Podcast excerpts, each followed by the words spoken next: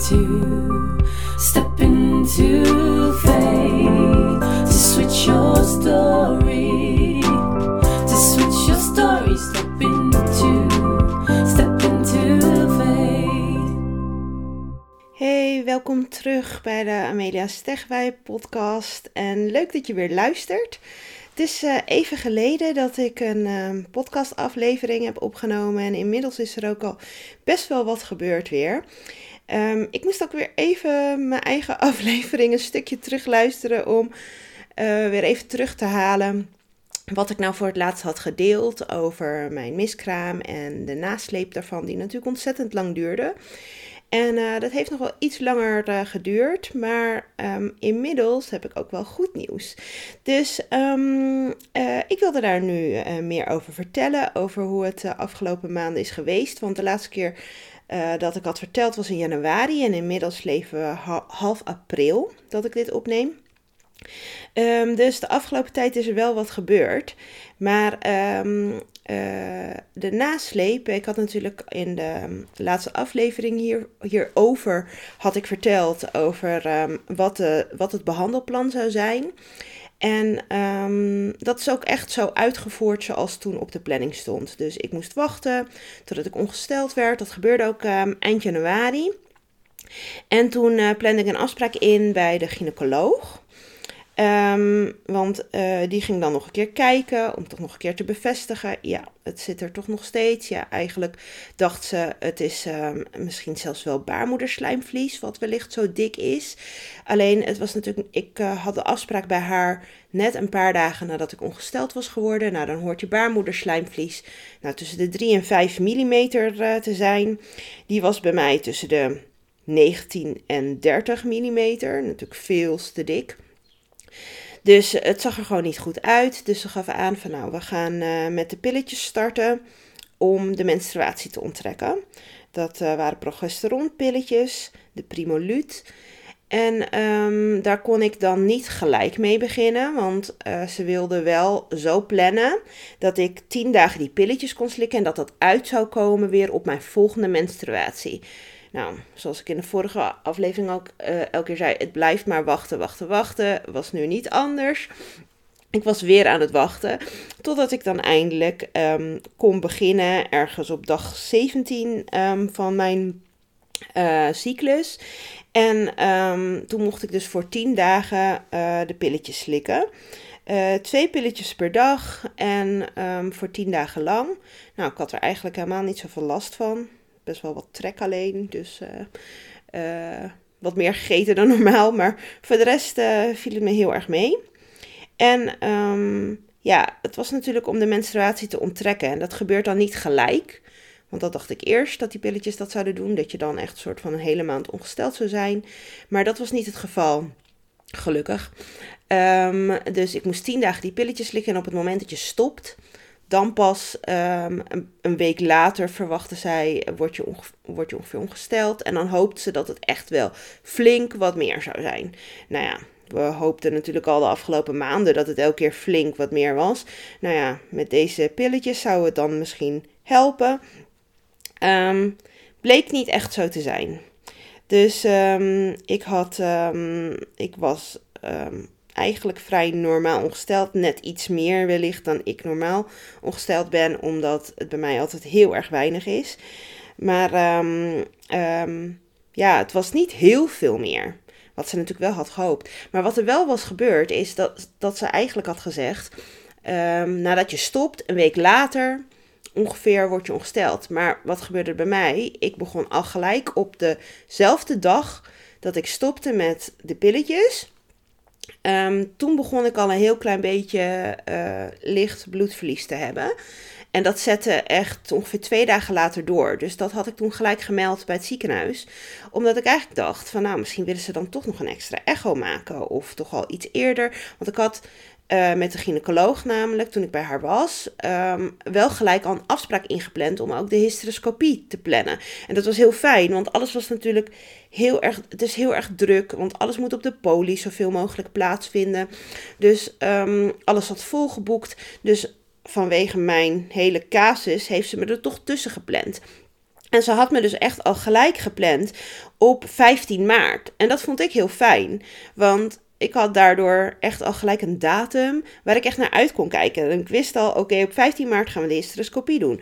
Maar omdat ik nu natuurlijk veel eerder ongesteld werd dan dat ze hadden ingeschat, ehm, had ik nu contact opgenomen om te vragen van, ja, moet het dan nu niet wellicht toch iets eerder plaatsvinden? Ik wist wel dat dat waarschijnlijk lastig ging zijn in de agenda's. Maar ja, dacht, ehm, ik moet het in ieder geval maar even melden.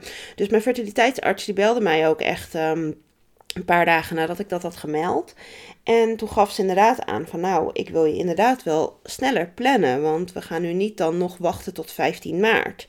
Dus um, uh, uiteindelijk kon ik toen dus een week later ingepland worden. En dat was dus al op 9 maart. Dat was dus bijna een week eerder. Nou, halleluja.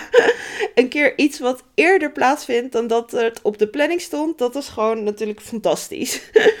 ik was daar echt super blij mee. En dat gaf gewoon echt een super goed gevoel. En het was dus op 9 maart. En 9 maart was exact zes maanden na mijn miskraam van 9 september. Dus ik dacht ook, derde hysteroscopie, driemaal scheepsrecht, laat dit het alsjeblieft zijn. Dus um, ik um, had dus een uh, afspraak dus staan op 9 maart. Alleen het moest nu dus toch op de OK plaatsvinden. Um, het kon namelijk niet op de poli plaatsvinden. Ik moest namelijk echt specifiek bij die andere gynaecoloog die ze bij mij, aan mij zeg maar, gekoppeld hadden. Omdat ze heel graag wilden dat de andere gynaecoloog, die daar nog veel meer ervaring mee had, dat zij deze behandeling zou doen. Alleen die stond op 9 maart op de OK op de planning. En um, uh, gelukkig was er plek. Want ja, uh, eerder zeiden ze natuurlijk voor dit soort dingen kunnen we niet naar de OK. Maar ja, blijkbaar was er dus toch plek. En kon ik um, bij haar op de OK terecht. En dat was echt super fijn. Uh, het was wel gelijk uh, een hele andere ervaring dan de twee hysteroscopieën die ik in november had gehad. Want nu was natuurlijk alles de procedure voor OK. echt een dagopname. Tenminste, ze noemen het een dagopname, maar ik stond pas in de middag op de planning. Dus ik hoefde me ook echt pas um, ergens in de middag ook uh, te melden, rond uur of half twee. En um, ik moest alleen wel vooraf dus nu een coronatest. Um, die was gelukkig uh, negatief. Enige test die je heel graag nu negatief wil hebben.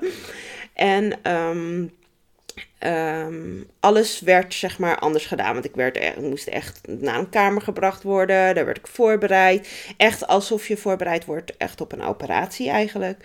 En um, het enige was dan wel dat ik ervoor kon kiezen nu of ik onder volledige narcose uh, wilde. Of gewoon onder sedatie, wat ik ook eerder heb gehad. Nou, de behandeling zou precies hetzelfde zijn. We zouden een hysteroscopie doen met een camera. Dus ik zei ook tegen mijn fertiliteitsarts van ja, wat adviseer jij? Ze zegt van ja, ik zou nu gewoon weer sedatie doen. Ik zeg nou, dan doen we dat graag. Want ja, uit die sedatie was ik gewoon prima gekomen. Ik was ook snel hersteld. Dus waarom zouden we dat nu niet weer doen, toch? Ik bedoel, ga niet onnodig onder volledige narcose. Dus uh, gelukkig kon dat. En um, nou, op 9 maart dus uh, die behandeling. Um, en uh, ik kwam dus uit die sedatie terug op um, de verpleegafdeling.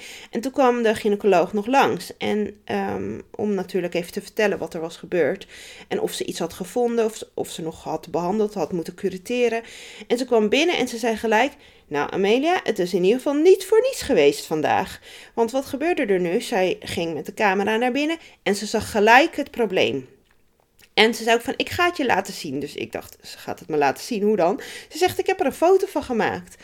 Dus uh, ze liet het me inderdaad op haar telefoon zien. En ze had echt gewoon een, ja, eigenlijk een soort van klompje vlees, leek het net. Van 2 tot 3 centimeter. Nou, precies dus die, nou, uh, eh, 19 tot 30 millimeter, wat ze elke keer op de echo zagen. Waarvan ze eerst dachten dat het dus baarmoederslijmvlies was. Dat was het dus, uh, nou ja, tenminste, zij dacht dus, zij zei dus van, nou, dat is het in ieder geval niet. Maar ze wist niet wat het was. Want ik zei echt gelijk van, nou, wat is dit? Um, ze zei van, nou, ik weet niet wat het is, maar we sturen het nu naar het lab. En we moeten het even afwachten. Dat duurt twee weken, dus plan maar bij mijn eigen gynaecoloog dan de afspraak in voor over twee weken.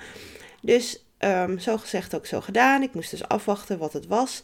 En twee weken later um, kreeg ik dus uh, bij mijn eigen gynaecoloog te horen dat er, um, uh, dat er eigenlijk gelukkig helemaal niets aan de hand was. De gynaecoloog van uh, de behandeling, die had ook echt aangegeven van, ik denk echt dat dit het is. En ik denk ook dat je nu door kan.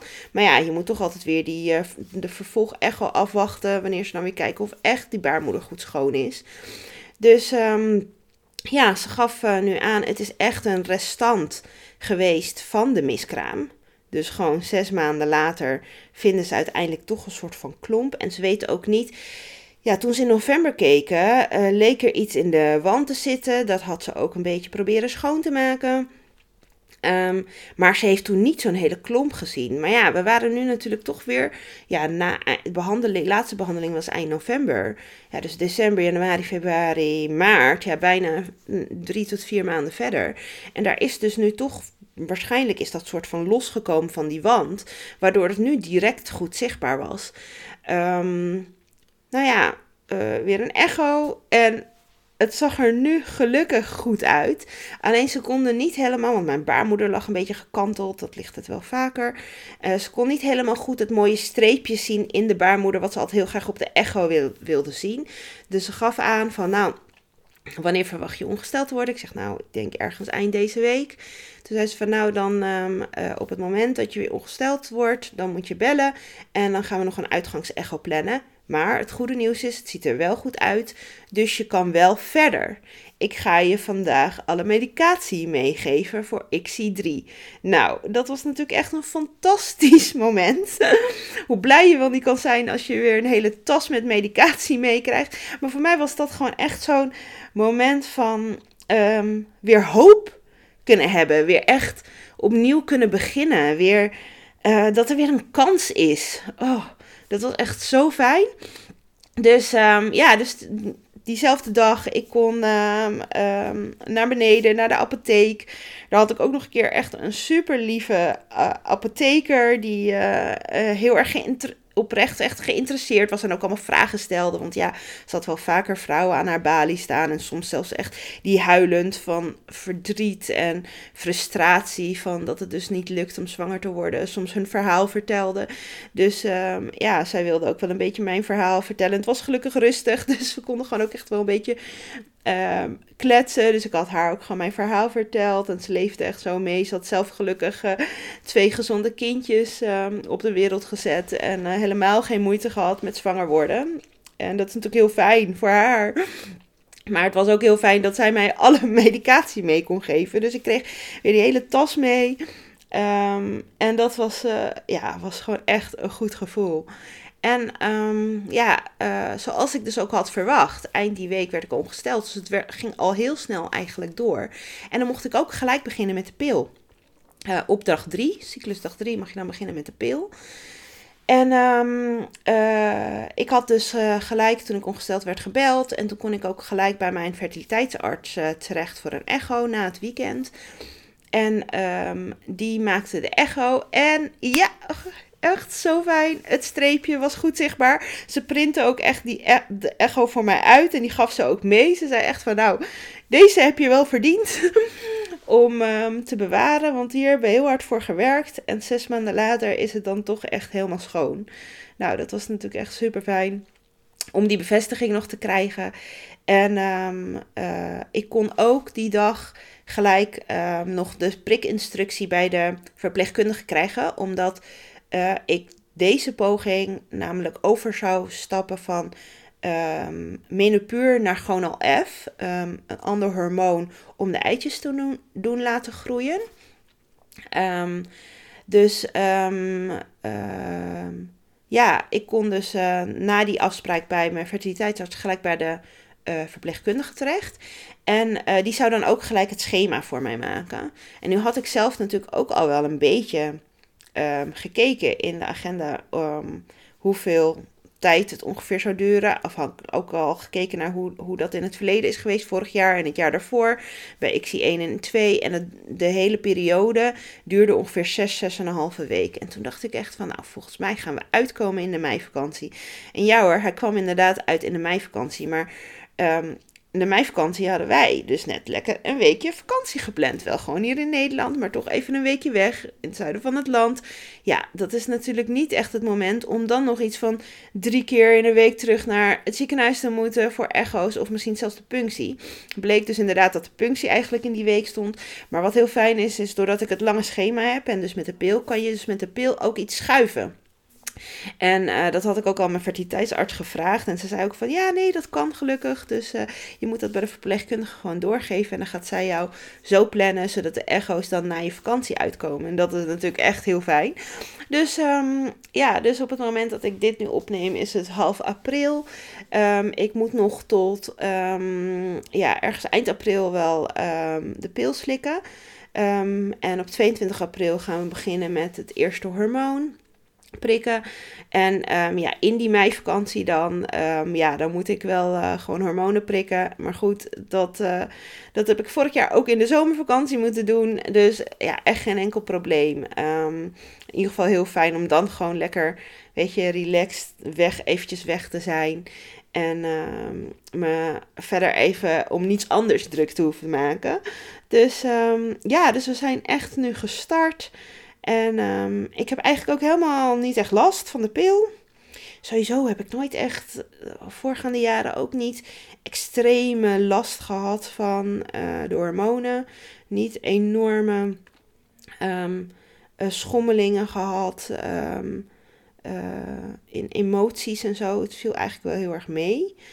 Um, dus ik hoop eigenlijk, ik ga weer gewoon vol goede moed dat het uh, nu ook weer zo is. Dus um, ja, ik uh, kijk er gewoon heel erg naar uit. Naar gewoon weer een nieuwe kans. Um, ja, op uh, toch nog onze allergrootste wens. Nog dat tweede kindje. Of dat er nu wel of niet gaat komen. Dat blijft natuurlijk spannend. Maar uh, we gaan weer vol vertrouwen in het proces. Ik ben ook weer begonnen met acupunctuur.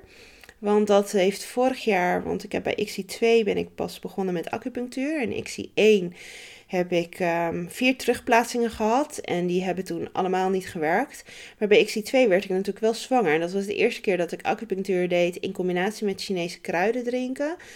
En uh, daar ben ik nu ook weer mee begonnen. Ook met die kruiden, die zijn echt super vies. Drie keer per dag drinken, ik vind ze echt heel vies. En ik moet er echt wel een beetje van kokhalsen soms. Maar goed, ja, alles voor het goede doel. Het is tijdelijk. Um, dus ja, alles wat we kunnen doen om um, uh, ja, mijn lichaam soort van zo optimaal mogelijk voor te bereiden op uh, hopelijk weer een zwangerschap.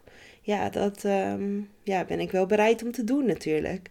Dus uh, ja, ik uh, zal jullie natuurlijk verder ook meenemen in het proces en uh, nog verder gaan delen over hoe het nu zometeen verder gaat lopen. Maar voor nu, ik heb er gewoon heel veel zin in, hoe gek het ook klinkt.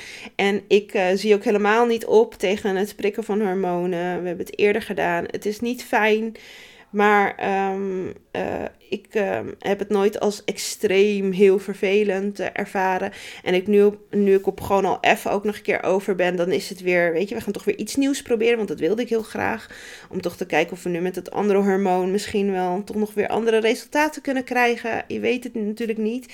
Maar um, ja, ik hoop eigenlijk uh, dat dat wel het geval gaat zijn natuurlijk. Dat we hopelijk net een iets hogere eicelvoorraad kunnen aanleggen hiermee.